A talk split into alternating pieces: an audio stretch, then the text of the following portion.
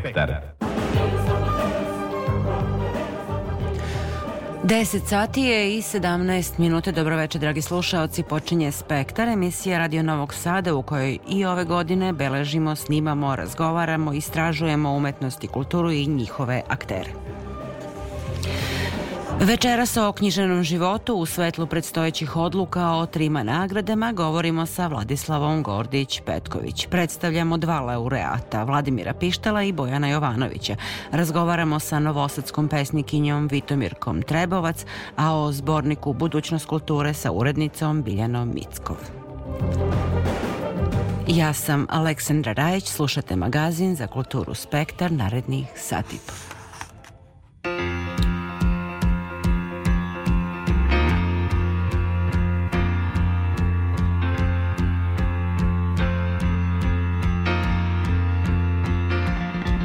your.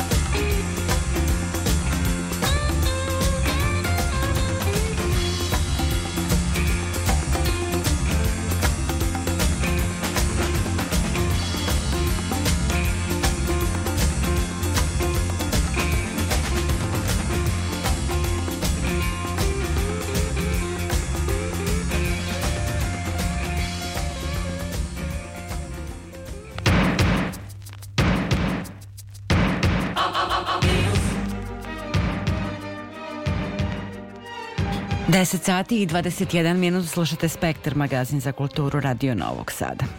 U uži izbor za Ninovu nagradu ušlo je 12 romana za Beogradskog pobednika 14, a Vitalo žiri je odabrao 15 romana od 20 knjiga koje konkurišu za najbolju. Ostalo je 14 jer je, kao što je poznato, Vladimir Tebašević povukao svoj roman Noćne reči zbog, kako se ispostavilo iz njegovog potonjeg ad hominem, tačnije ad feminem i tabloidnog obnašnjenja, ličnih odnosa odnosa sa članicom tog žirija. Šta je donala romaneskna produkcija u prošloj godini u razgovoru sa Tatjanom Novčić-Matijević analizira Vladislava Gordić-Petković. Ovo je sada sedmica u kojoj se intenzivno govori o romanima koji su u dve nagrade stigli već u onaj uži izbor. Dakle, prva selekcija je prošla, Ninov žiri je odabrao 38 romana za taj širi izbor. Beogradski pobednik je stigao na 27. Sad su već suzili na po desetak.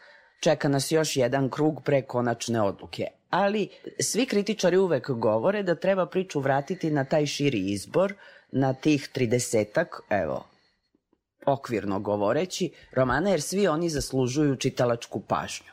Je li to baš tako istinski i suštinski. E, svakoj knjizi koja je objavljena treba dati šansu, međutim to zaista nije jednostavno u obimnoj produkciji.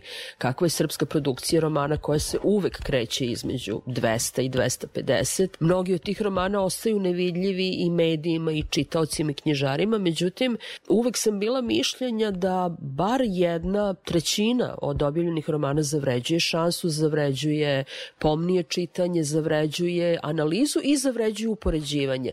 Mislim da smo ove godine mogli da vidimo u tom izboru 38 romana sa kojim je Ninov žiri izašao 4. januara, e, da vidimo žanrovsku i poetičku raznolikost. Mogli smo da Vidimo da je žiri uzeo u obzir e, pisce postmodernističke provenijencije koji dalje istrajavaju svojim poetikama, kao što su recimo i Saša Radonjić, ali sa druge strane je zanimljivo da se nije pojavilo ime Jovi Cačina, koji je napisao roman Dozvola za bicikl, koji je jedan zaista zanimljiv i podstican omaž Kafki i Kafkinom uticaju. Sa druge strane, žiri je imao sluha za egzotizaciju podneblja istorije koji su recimo vidljivi u romanu Marija Liguorija Via Aquarosa i u velikoj meri e, u Pištalovom najnovijem romanu, jer e, Pištalo je neko ko e, se zaista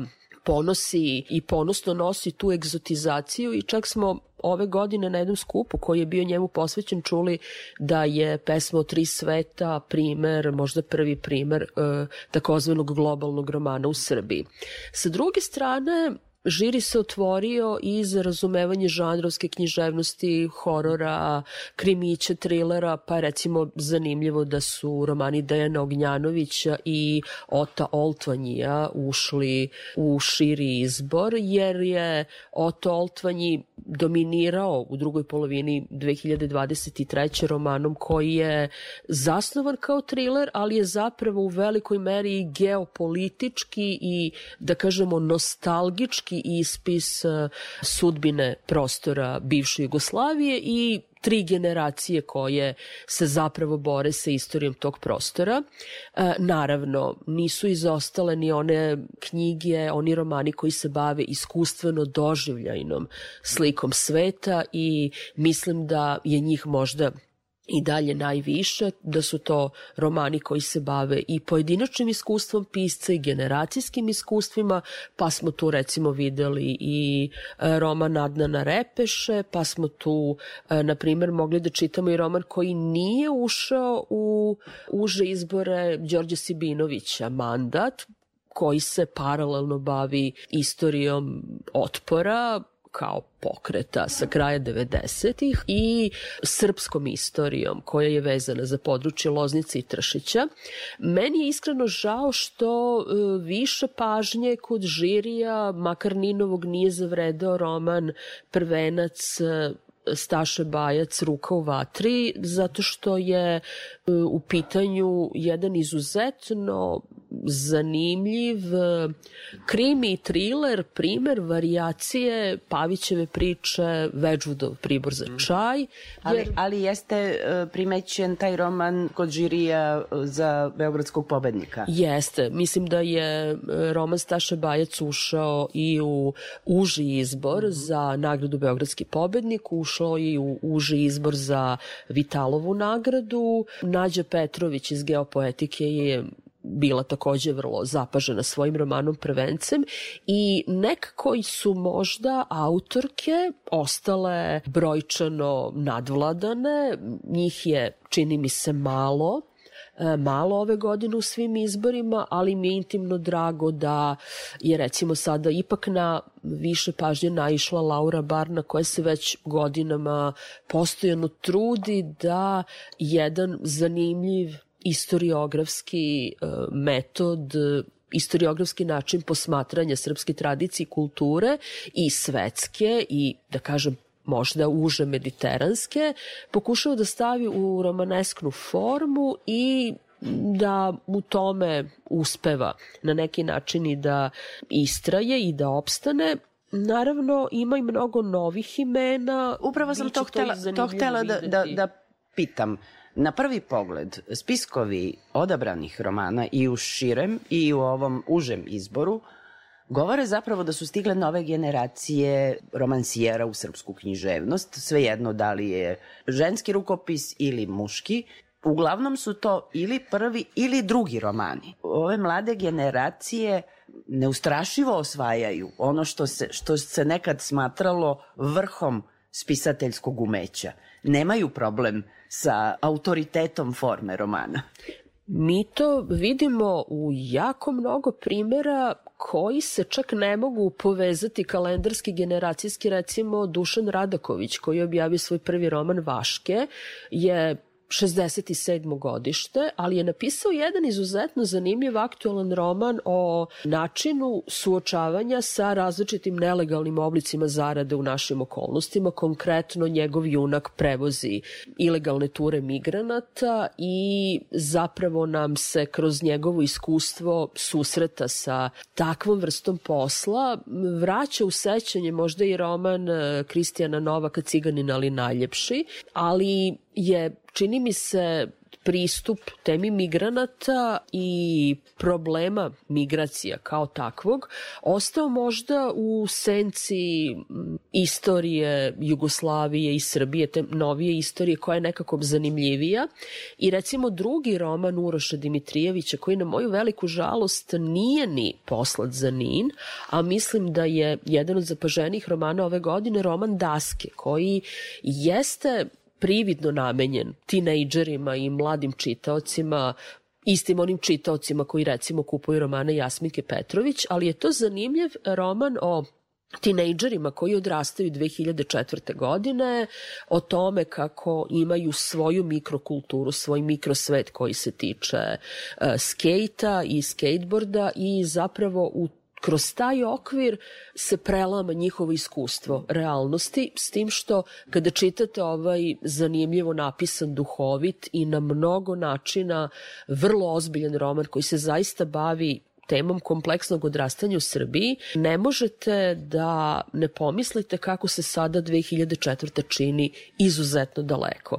I ako to kažemo mi koji imamo već neki, možda čak i više decenijski staž u čitanju, e, onda se samo treba zapitati kakav osjećaj imaju čitaoci koji tek ulaze u svet savremenog srpskog romana i tim čitaocima se nudi jako mnogo, jako mnogo različitih poetika, tema koje su i aktuelne i istorijske, ali čim su istorijske uvek su na neki način aktualizovane i ovo je u stvari dobro vreme za čitaoca, ali vreme u kome se on može zaista zbuniti pred velikim, širokim izborom.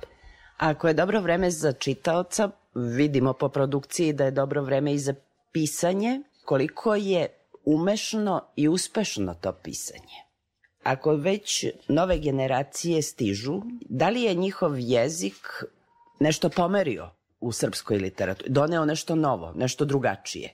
Imamo li jasnu sliku o njihovom osjećanju sveta? Ima kod Dušana Radokovića jedna zanimljiva rečenica. Junak kaže da bi želeo da njegova čerka koja mu je pripala na staranje posle razvoda, želeo bi da ona prestane da ga zove po imenu, da počne da ga zove tata i kaže otprilike ovako ja bih želeo da u meandrima njenog sećanja ne budem plastični čamac za pecanje nego jahta prve klase. Već sama ovakva slika čamac nasuprot jahte, govori nešto i o tome kako se jezik promenio. A jezik je počeo mnogo više da preslikava stvarnost, da preslikava ciljeve, ambicije, prioritete koji se postavljaju kao dostižni. Jezik je počeo u većoj meri da uključuje ne samo materijalna dobra koja postaju, nažalost, pokazatelji nekog psihosocijalnog sklada i psihosocijalne uklopljenosti, nego i nove tehnologije, donose prosto i nove vidovi pripovedanja, vidite sve više anglicizama koji slikaju stvarnost kada u romanu Junakinja napiše da je neko sinovao njenu poruku. To više nije samo signal o generacijskoj pripadnosti, nego je to signal i o obitavanju u jednom delu digitalnog sveta koji... O civilizacijskoj pripadnosti. Da, o civilizacijskoj pripadnosti koja je sada bitno drugačija nego kada ste komunicirali isključivo fiksnim telefonom i očekivali nečiji poziv, a oko recimo tog motiva telefona koji će zazvoniti ili neće zazvoniti je zaista u jednom periodu proza i egzistencijalna i stvarnostna i kakva god hoćete bila e, zasnovana. I s te strane mi je recimo zanimljivo da je jedan roman, e, upravo roman Pakrac, e, jednog od dobitnika, ranih dobitnika Ninove nagrade Vladana Matijevića, prividno konstruisan kao neka vrsta omaža Mihajlović Mihajloviću, Dragoslavu Mihajloviću i njegovoj poetici, ali da i njegovi junaci koji su beskućnici, koji su izolovani, koji su pripadnici nekog sveta koji je jedva priznat i jedva prepoznat sveta koji je zapravo nevidljiv e, prolaznicima i nevidljiv, da kažemo, i vlasti, i politici, i sistemu, da i taj svet e, ima svoje načine komuniciranja kroz tehnologiju, da ima svoj sistem komunikacije, prepoznavanja, sporazumevanja, razumevanja.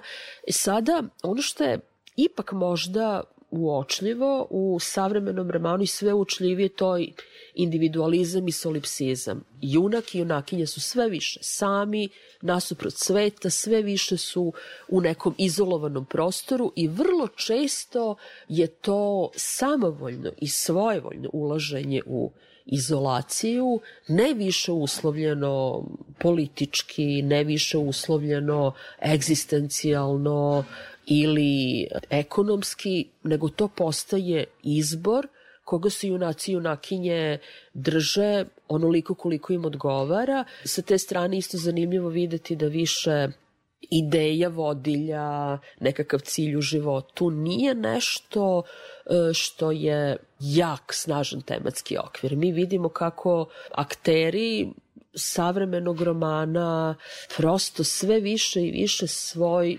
moral i moralne nazore prilagođavaju okolnostima i ne vide u tome ništa neobično.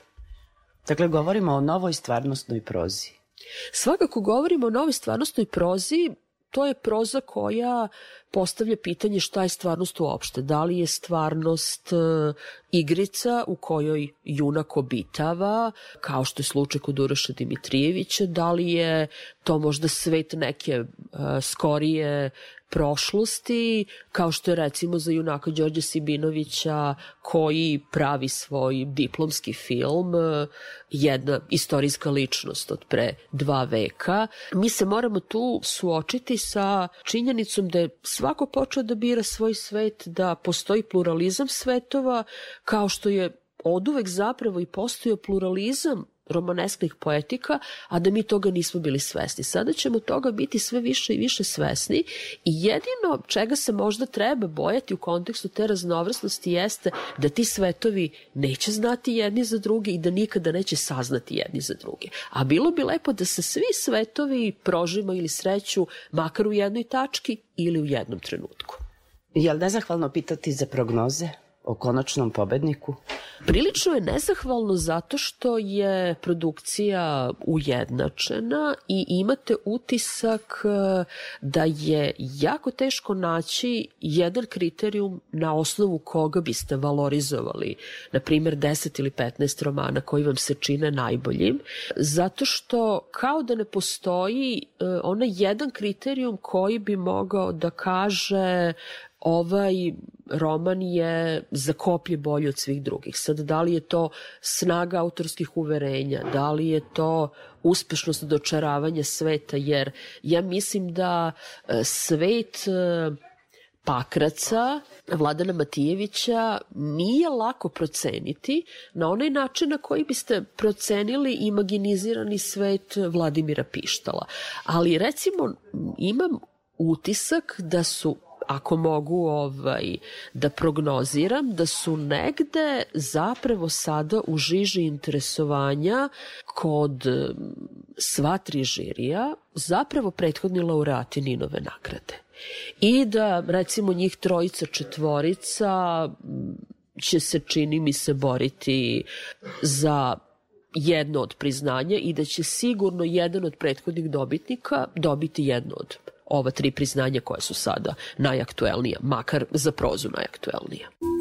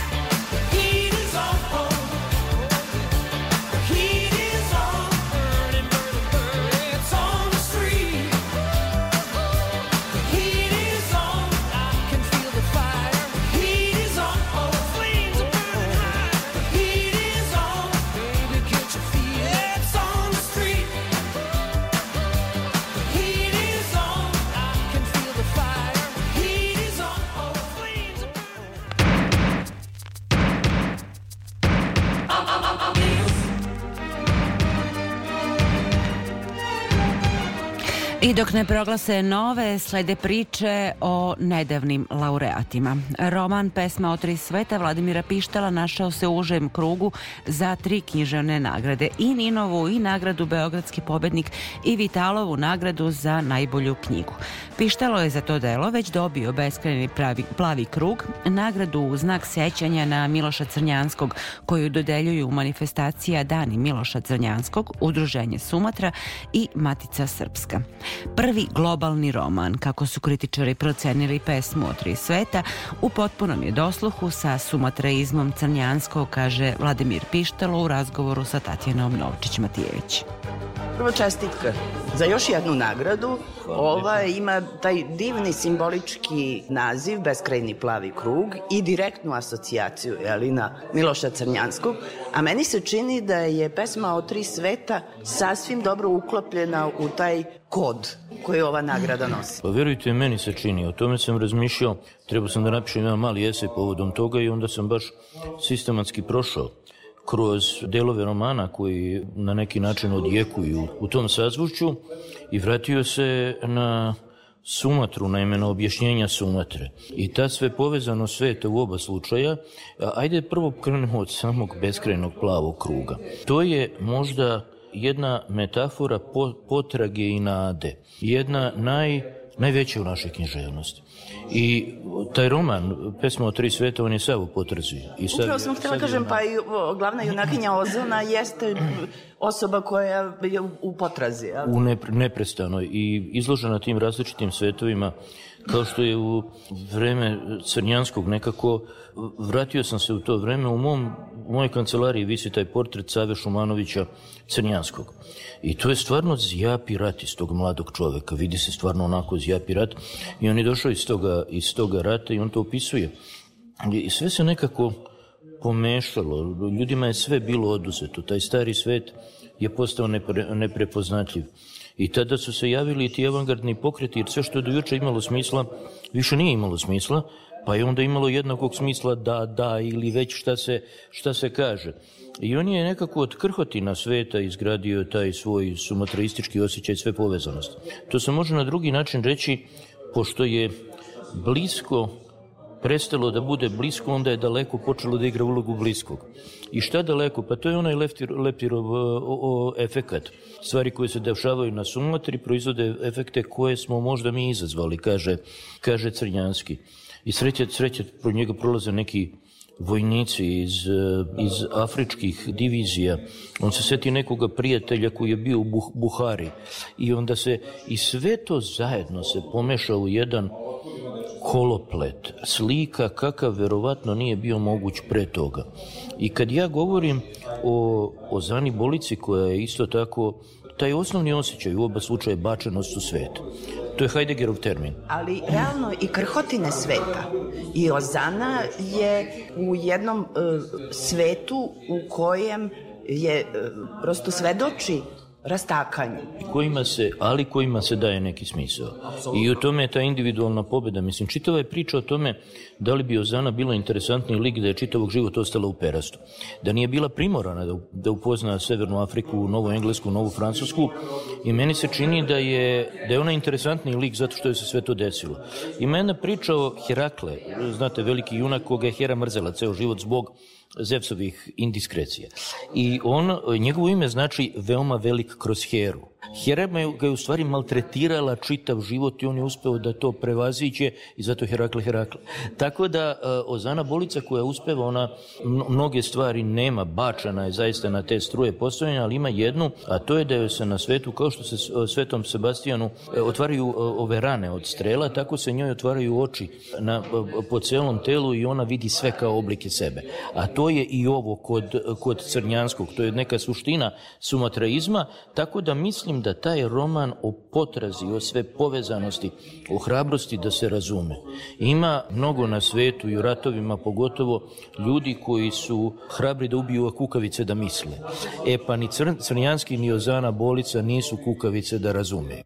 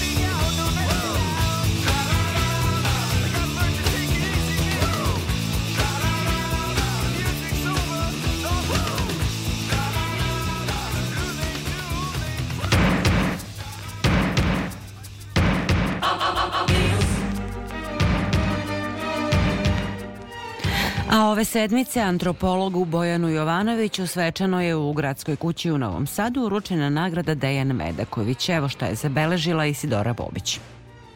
Nagradu koja nosi ime Dejana Medakovića osnovala je izdavačka kuća Prometej 2008. godine za najbolje memoarsko delo na srpskom jeziku u čast sećanja na tog istoričara umetnosti, književnika i akademika. Ovogodišnji laureat Bojan Jovanović je jedan od naših najistaknutijih antropologa koji je svoj sveukupni naučni, intelektualni i umetnički angažman pretočio u knjigu Srpsko kulturno blago u izdanju pravoslavne reči, kaže Zoran Kolundžija iz Prometeja. Iz iz obrazloženja žirija, a iz njegove uzvratne besede se vidi da je ovaj, on kao neki profil Bedakovića pa preklopljen na drugačiji način. Imaju ista interesovanja, isti odnos prema našem narodu ukupno i veliku brigu o, o prošlosti i umet, umeću tumačenja prošlosti. Bojan je, koliko ja znam, naš najznačajniji živi antropolog, ali je usto i etnolog, usto je kreativan, bavi se filmom i bavio se i snovima, ovaj, koliko znam ja što smo sarađivali zajedno sa Ivanom Nastovićem. Tako da je on uspeo da u ovome delu ovaj, napravi jedan pregled eh, svega onoga što je najznačajnije što čini jedan narod i da to napravi na način koji ovaj, to lepo afirmiše, pomaže običnom čoveku da ovaj, bolje to sve shvati i normalno knjiga je napravljena kao jedan ovako reprezentativni izlog naše prošlosti i onoga što mi zaista jesmo. Bojan Jovanović je u dosadašnjoj karijeri najviše istraživao tradicionalnu duhovnu kulturu Srba i balkanskih Slovena, pagansko nasleđe, magijsku praksu, etnopsihologiju, teoriju obreda, urbanu antropologiju i snove, baveći se prevrednovanjem dosadašnjeg etnološkog i antropološkog nasleđa. Rezultati njegovog istraživanja ugrađeni su u pristupe savremenih naučnih proučavanja. Jovanović kaže da se iza njegovog razumevanja umetnosti i razumevanja fenomena kojima se bavi antropologija krije jedan te isti afinitet. Kad je reč o antropološkom pristupu, onda dakle se pretpostavlja jedna sinteza, interdisciplinarnost, multidisciplinarnost, koja dakle je najadekvatniji metod da se ono što smatramo sadržajem jedne kulture sagleda u punom svetlu. U tom smislu se pokazuje da e, ne postoje suprotnosti između discipline i aktivnosti koje je čovek činio i koje čini, naravno. Kada to kažem, mislim prvenstveno na ono što je egzaktno, e, naučno i ono što je fiktivno. E, čovek nastoji da stvori ta fiktivna dela fikcionizirajući fakta ali ujedno ta fikcija postaje sada fakat njegovog e, potvrđivanja. Zato su naše duhovne tvorovine izuzetno značajne i one su podjednako bitne kao i fakta. Uzimo, na primjer, e, izuzetne duhovne domete, naše epske poezije, lirske poezije, e, bajki, dakle, umetničkog stvaralaštva, e, freskog slikarstva, hramovne kamovnog iskustva. Dakle, to je nešto što postoji kao duhovna kultura, ali ono svojim značajem ima faktičku vrednost, podjednako značajnu kao i iz oblasti materijalne kulture, kao što su jel, naše e, kuće, naše odivni predmeti, nošnja, i tako dalje. Prema tome, dakle, e, pristup je interdisciplinaran, pretpostavlja, dakle, jedan motiv da se adekvatno sagleda ono što je vrednost. A vrednost su upravo u kulturi i simboličke prirode, prema tome bez afiniteta za razumevanje onoga što je poetsko u njemu, što je simbolično, ne može ni da se ono razume na pravi način. Nagrada Dejan Medaković uručena antropologu Bojanu Jovanoviću sastoji se od zlatnika sa Medakovićevim likom i svečane povelje.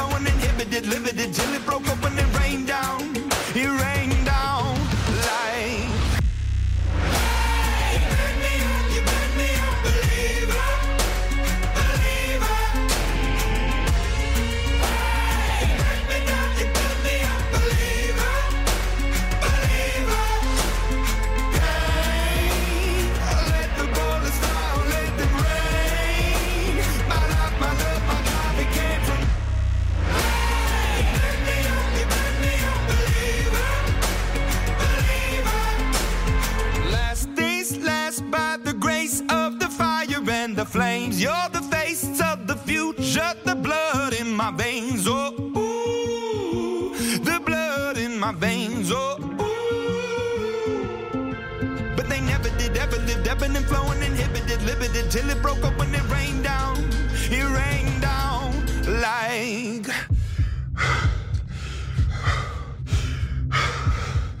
I want to stop. We can't.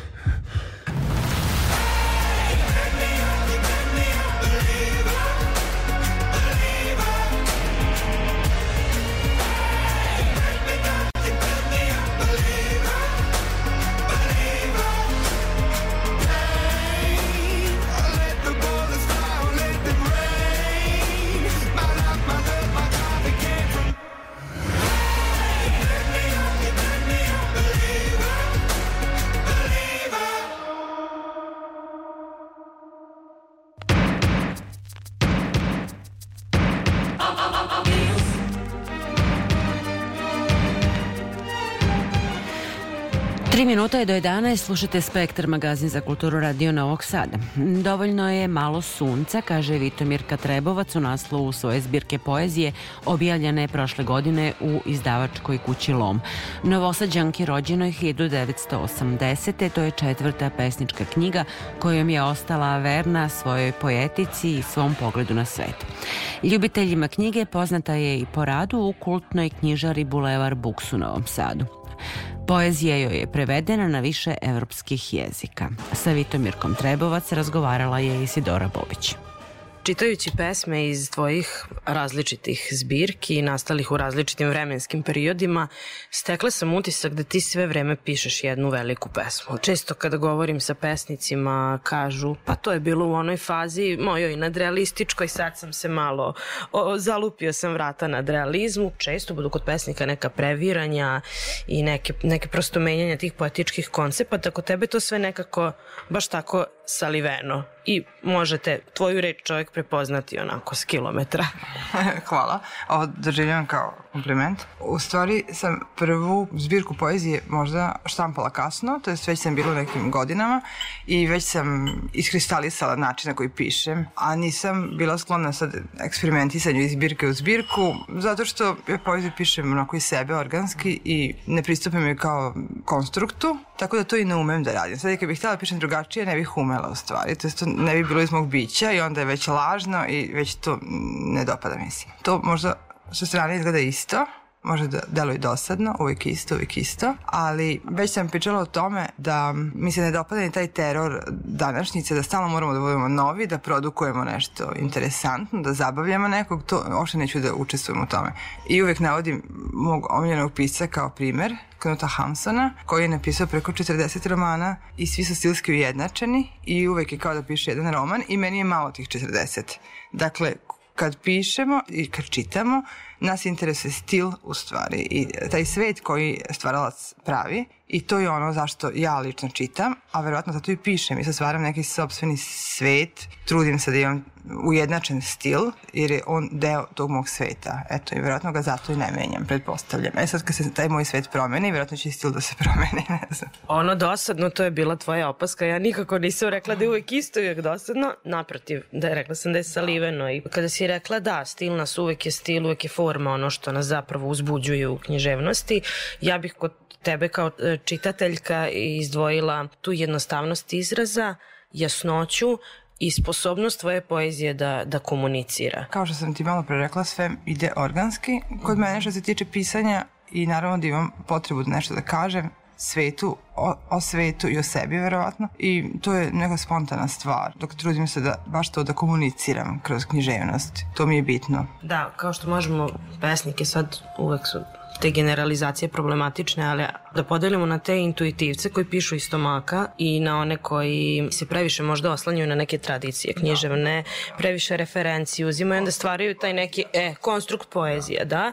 Ti spadaš u red ovih prvih, isto tako bih rekla da spadaš među one koji su, što kaže Ivan Velalić, rekli svetu da. Nema kod tebe bunta, pišeš i onome što te boli i o svetu takav kakav jeste, koji svi znamo da nije šaren, ali neko sunce sija iz tih redova napisanih i kao jedno pomirenje sa svetom. to je pretpostavljam i stvar nekog karaktera na koji način doživljavamo svet kako se odnosimo prema njemu. Mislim da isto je to i faza životna, pa tako i pesnička.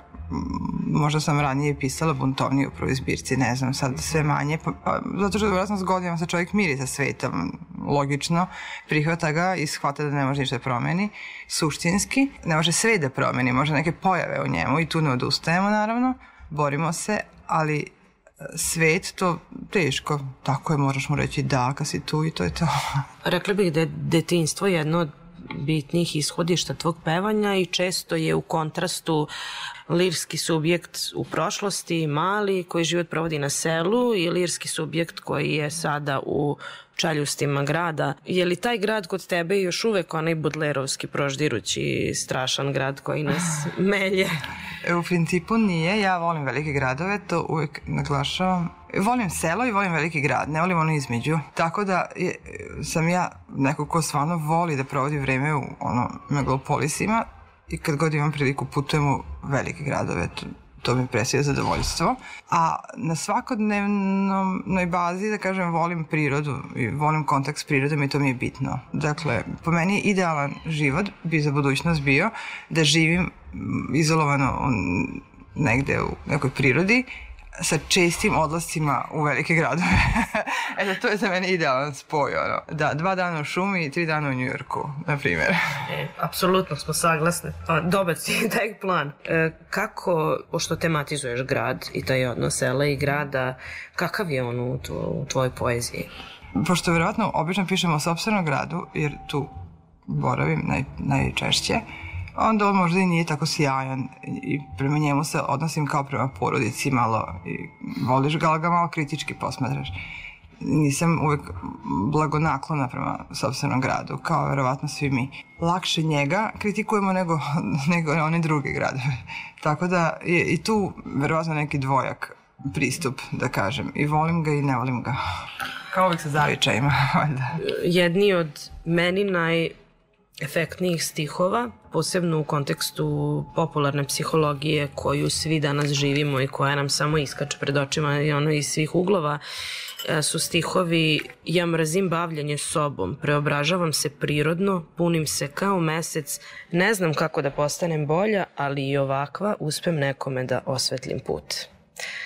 Um, sad ovako i kao pesnikenju, ali prosto i kao čoveka koji živi na, na, ovom, na ovoj planeti. Jel misliš da smo zatrpani tim budi najbolja verzija sebe, budi bolji, radi na sebi? Se jako svidelo ta priča o toj, tom jednom spontanom, prirodnom rastu. Da. Ta, tako je. Ne mogu da kažem da ne, ne verujem u psihologiju ili nešto slično, jer to je glupo, ali um, verujem u nauku u svakom smislu, još uvijek, još uvijek verujem, ali um, eto radim u knjižari pa i tu svedočim uh, toj pojavi popularne psihologije kao neke dominantne ono, religije današnjice. I ne sviđa mi se to, moram da priznam, jer je površno pristup čoveku je površan, pristup životu je površan i zato mislim da je bolje da se čovek recimo okrene nekoj introspekciji, da čita, da promišlja sebe i život oko sebe, da će dobiti bolje rezultate nego da se truje tim nekim površnim savjetima kako biti bolji, kako biti lepši, kako biti nekom podobniji. Mislim, to je apsolutno meni glupost. Možda bismo se više menjali spontano, da ne razmišljamo o tome Naravno, kako no, da budemo bolji. Apsolutno, mislim, možda zašto biti bolji stalno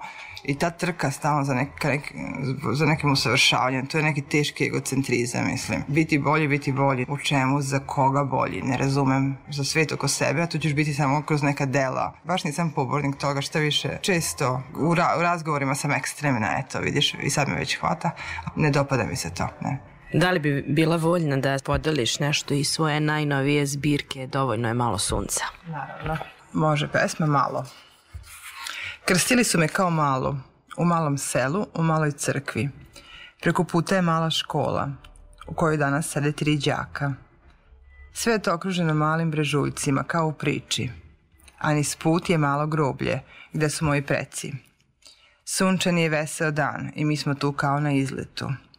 Deca moje braće trče oko grobova i smeju se. Njima smrt nije strašna. Ko živi na selu rano vidi mrtvaca, jer uvijek umre neki komšija i smrt nije velika stvar iza nekih zatvorenih vrata. Znači, svi smo veseli. Na neki način. Došlo je proleće i vetar raznosi beli cvet po crnoj zemlji. Vraćamo se peške ulicom. Nanizane male kuće ispred svake drvo i klupa. I ništa ne remeti harmoniju malog. Jer što je s polja malo, unutra je možda veliko. Ce ovaj dan se smeje. Govori nam, u životu vam ne treba ništa veće od ovoga. Završit ćemo u tom duhu skromnosti i zahvalnosti. Hvala ti mnogo što si Hvala govorila tebi. za Radio Novi Sad. Hvala tebi. Dragi slušaoci, bila je to pesnikinja Vitomirka Trebovac.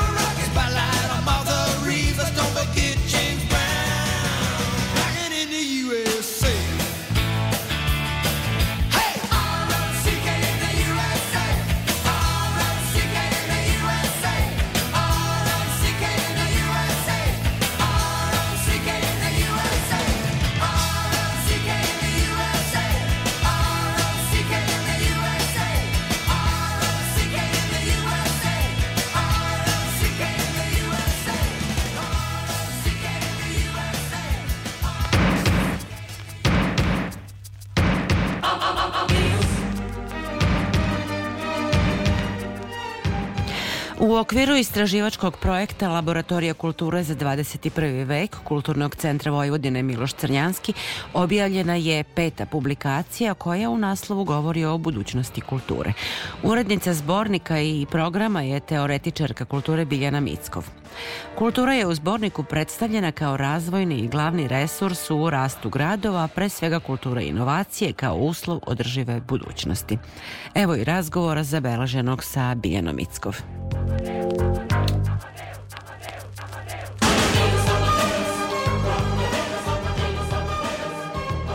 Ovaj zbornik predstavlja modele, strategije i priče, naravno o kulturi i umetnosti, zapravo o delatnosti kulture kao paradigme za prostor kreativnosti, inovacija, idejnosti i to pre svega u urbanim, odnosno gradskim sredinama u kojima su i same kulture, odnosno kulturne politike prepoznate kao instrument i održivog razvoja i instrument promene, promene cele te urbane matrice. Zašto su ove teme zapravo važne? Pa, pre svega, važno je da se e, održi kontinuitet razvoja umetnosti i kulture u gradovima i da nam pokaže smernice u kojim pravcima nove kulturne politike gradova mogu da idu. Grad je primarno mesto za građane i ne samo za profesionalce. A samo mesto razvoja umetnosti unutar gradova i pritom mislim na urbane, na javne prostore i na institucije kulture je e, interaktivno i vrlo povezano. I ta neka, kako bih rekla, vibracija između javnih prostora i kontinuiteta razvoja umetnosti i kulture i institucija kulture za profesor, profesionalce i građane je veoma bitna. Zapravo i jedan od vaših sagovornika, odnosno jedan od autora tekstova govori da ne treba, kada je reč o kulturi i gradu, da razmišljamo o dihotomijama. I vi sami kažete na jednom mestu, savremeni grad, uspešan grad jeste kulturno i finansijski aktivan, kombinuje zaradu sa stvaranjem smisla. Mi ne možemo govoriti o kulturi nezavisno od financija, od ekonomije i ekonomike, naravno. A, da, pogrešno je da ljudi ovde negde shvataju da, a, da kad se govori o kreativnoj ekonomiji ili ekonomici kulture, mi mislimo isključivo na zaradu. Naravno, ne mislimo samo na zaradu. Ako pričamo o novim kulturnim politikama evropskim, moram se ovaj, baš precizno reći, nego se radi o održivom razvoju kulture. Znači, kultura može biti i finansirana od strane javnih sredstava, ali može i donositi na neki način e, izvesnu zaradu. Takođe, može biti prostor otvaranja novih radnih mesta, što naravno utiče na to da se, da se zarada unutar grada poveća. Tako da ima nekoliko aspekata zašto je kreativna kultura ili kulturna ekonomija važna i ne bih je vezivala samo na isključivo profit i zaradu. Vrlo je važan balans sa nivoa grada koji će e, na neki način omogućiti da se preko kreativnih procesa može i zaraditi određeni novac, a takođe i da se e, javno finansira. Znači, taj balans između ekonomskog pristupa kulturi i e, vrednosti, umetničke vrednosti je veoma bitan. Pri svemu tome kultura ima zapravo jedno centralno mesto, centralnu poziciju u razvoju savremenog grada.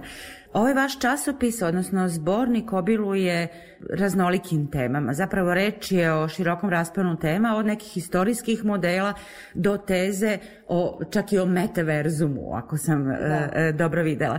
Pa hajde možda samo ukratko da predstavimo dijapazon tih tema koji je obuhvaćen ovim zbornikom.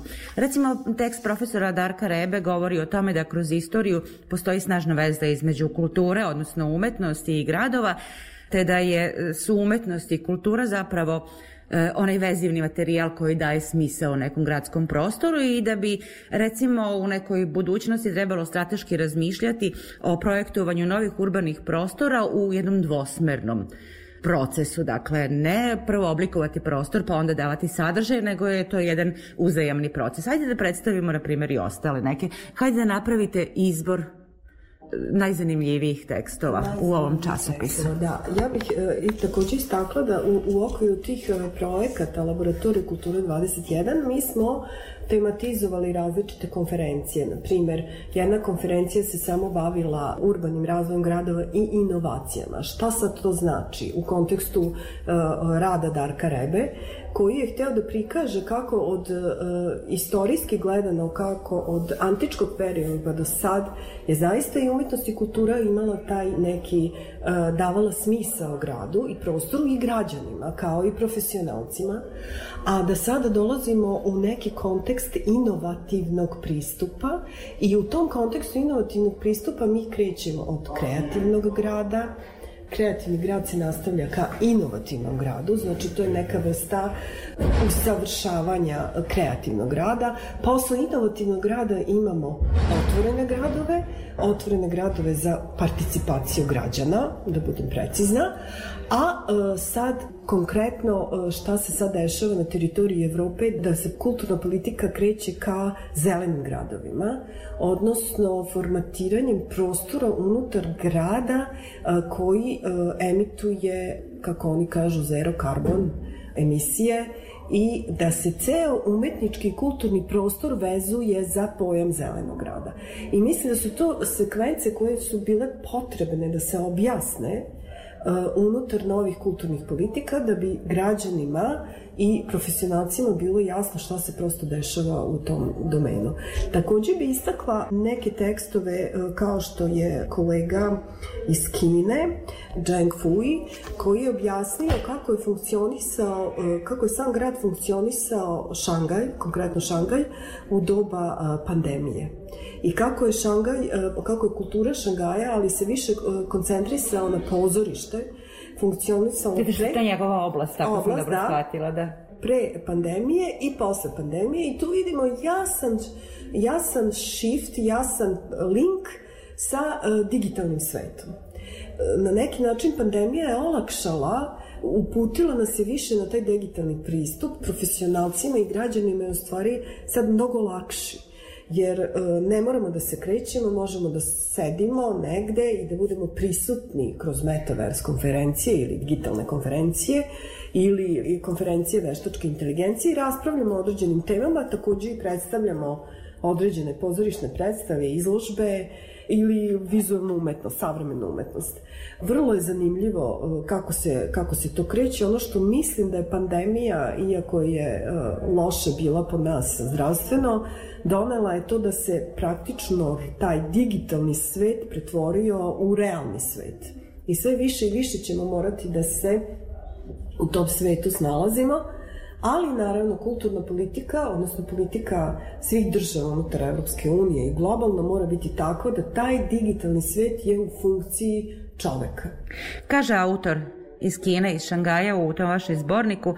Evo citiram, ukoliko kulturni radnici ne budu poradili na svom neznanju i netrpeljivosti prema novim tehnologijama, onda će zajedno sa tim svojim kulturama otići na smetlište istorije. Zapravo to ilustruje ovo o čemu ste govorili. E sad ovaj zbornik e, na srpskom jeziku, pošto ima i zbornik na engleskom, o tome ćemo nešto kasnije, e, zatvara tekst o ekonomskim pitanjima u kulturi i to kroz temu projekta kulturnih e, prestonica. Zaključak tog teksta je da se najvažnije stvari dešavaju posle, odnosno kad se događaj završe. Reč je o usavršavanju ponude, o razvoju publike, o evaluacijama programa, o inovacijama i njihovoj primjeni. Zašto nam je recimo ovaj tekst značajan, naročito nama u Novom Sadu koji smo to iskustvo Evropske predstavnice kulture imali? Značajan nam iz, iz razloga svaki grad koji dobije titul nominacija Evropske predstavnice kulture praktično zaista unapredi sektor kulture. Neki gradovi su manje uspešni, a neki su više uspešni u tom projektu. Za Novi Sad bih rekla da je negde srednje uspešan, jer mnoge stvari su rešene, a mnoge stvari i zaista nisu rešene. Takođe i drugim gradovima. Vi možete vidjeti Arhus, na primjer, u Danskoj je napravio bum sa e, muzičkom industrijom, I to u svakom smislu, u smislu kreativne industrije, u smislu razvoja festivala, dok, na primer, u Velikoj Britaniji uh, Manchester uh, ili Liverpool su imali zaista loš, uh, dok je Velika Britanija bila u Evropskoj uniji, imali su loš impakt tog projekta. Takođe i za gradove u Francuskoj.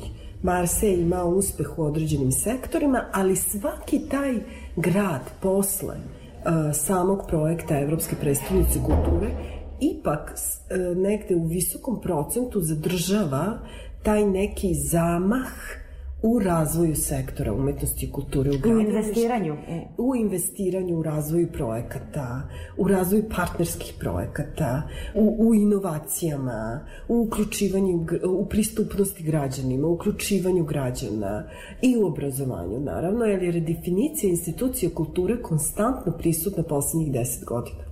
Imate li bar neki uvid e, u tu problematiku? Godinu dana je prošlo je od statusa e, Novog Sada kao Europske predstavnice kulture, šta je dobro ostalo, šta je dobro ustaljeno kao praksa, a na čemu bi trebalo poraditi? E, trebalo bi poraditi na samim institucijama koje su novo kreirane, konkretno mislim na, na kreativne prostore, koji su zaista vrhunski, u svakom fizičkom smislu, ali možda nedostaje na neki način utemeljen program svake te institucije, znači suštinski program.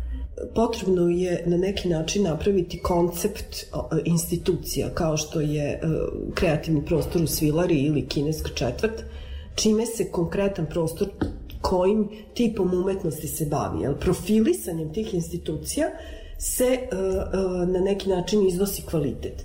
Mislim da tu ne postoji baš dobra koordinacija o tome šta bi koji prostor morao da iznese. Malo je konfuzno da se uh, predstavlja u kineskoj četvrti, na primer, vrhunski arhitekta, pa da se predstavlja neka izložba od, od Konjovića do Marine Abramović. Mislim, mora tu negde da se nađe određen kontinuitet, određen koncept šta mi hoćemo Profil. da kažemo tačno ste rekli, znači da se isprofiliše jasno i na tim profilizaciji tih kreativnih prostora u stvari se postavlja pitanje i kvaliteta i učešća novih profesionalaca u tim kvalitetima. Eto, to ja mislim da je na neki način u minus cele ove priče. Isto tako nije dobro, to sam nekoliko puta pomenula, da se sa nivoa grada a, samo jedna institucija ističe kao važna. Jako je bitno da kulturna politika grada se svodi, da se sve institucije na teritoriji grada izdižu ravnopravno. Znači, bitne su institucije, bitne su građani, a mi smo servis građana. Budućnost kulture, ovaj zbornik ima i svoje englesko izdanje, u čemu se on razlikuje od ovog na srpskom jeziku?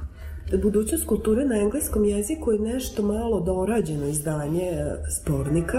Novim tekstovima. Novim tekstovima, novim temama kao što su e, dizajnirano razmišljanje, design thinking, zatim tekstovima kao što je razvoj muzike, kako, na primjer, arhitektura može da se prikaže u, u kontekstu, izlagačkom kontekstu e, povezivanja arhitekture sa umetnošću, takođe e, inovacije koje se javljaju u određenim umetničkim disciplinama i uh, srpska verzija uh, budućnost kulture, zbornika budućnost kulture je neki osnov i temelj, a engleska verzija je na, na dograđivanje tog temelja. Vaš projekat u 2024. Kakvi su vam planovi? Što se tiče koncepta laboratorije kulture, znači takođe ćemo imati još jedan zbornik koji će se baviti kao što sam na početku rekla, pojmom zelenih gradova i uticajem te zelene agende na umetnost i kulturu. Takođe će se baviti i veštačkom inteligencijom, što to jeste budućnost kulture. I imat ćemo jedan uh, kratak, mali zbornik na temu uh, koji će se baviti konkretno obrazovanjem, kako napisati knjigu ili uraditi knjigu o različitim umetničkim disciplinama.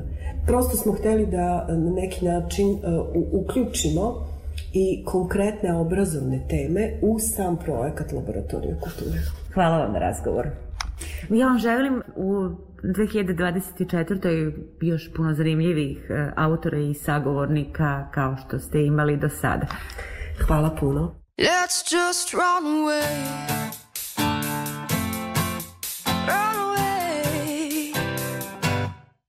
You gave an inch, they took a mile.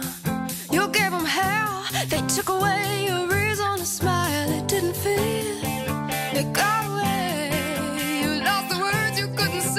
you say.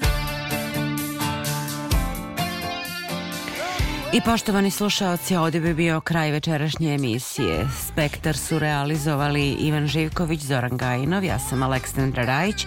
Čujemo se ponovo sledećeg petka, a do tada smo na sajtu rtv.rs u meniju odloženo slušanje i na društvenim mrežama. Prijetna vam noć.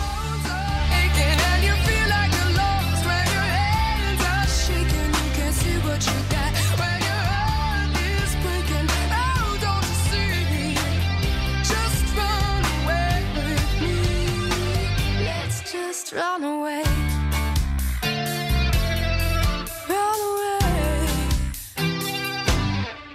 We make the rules,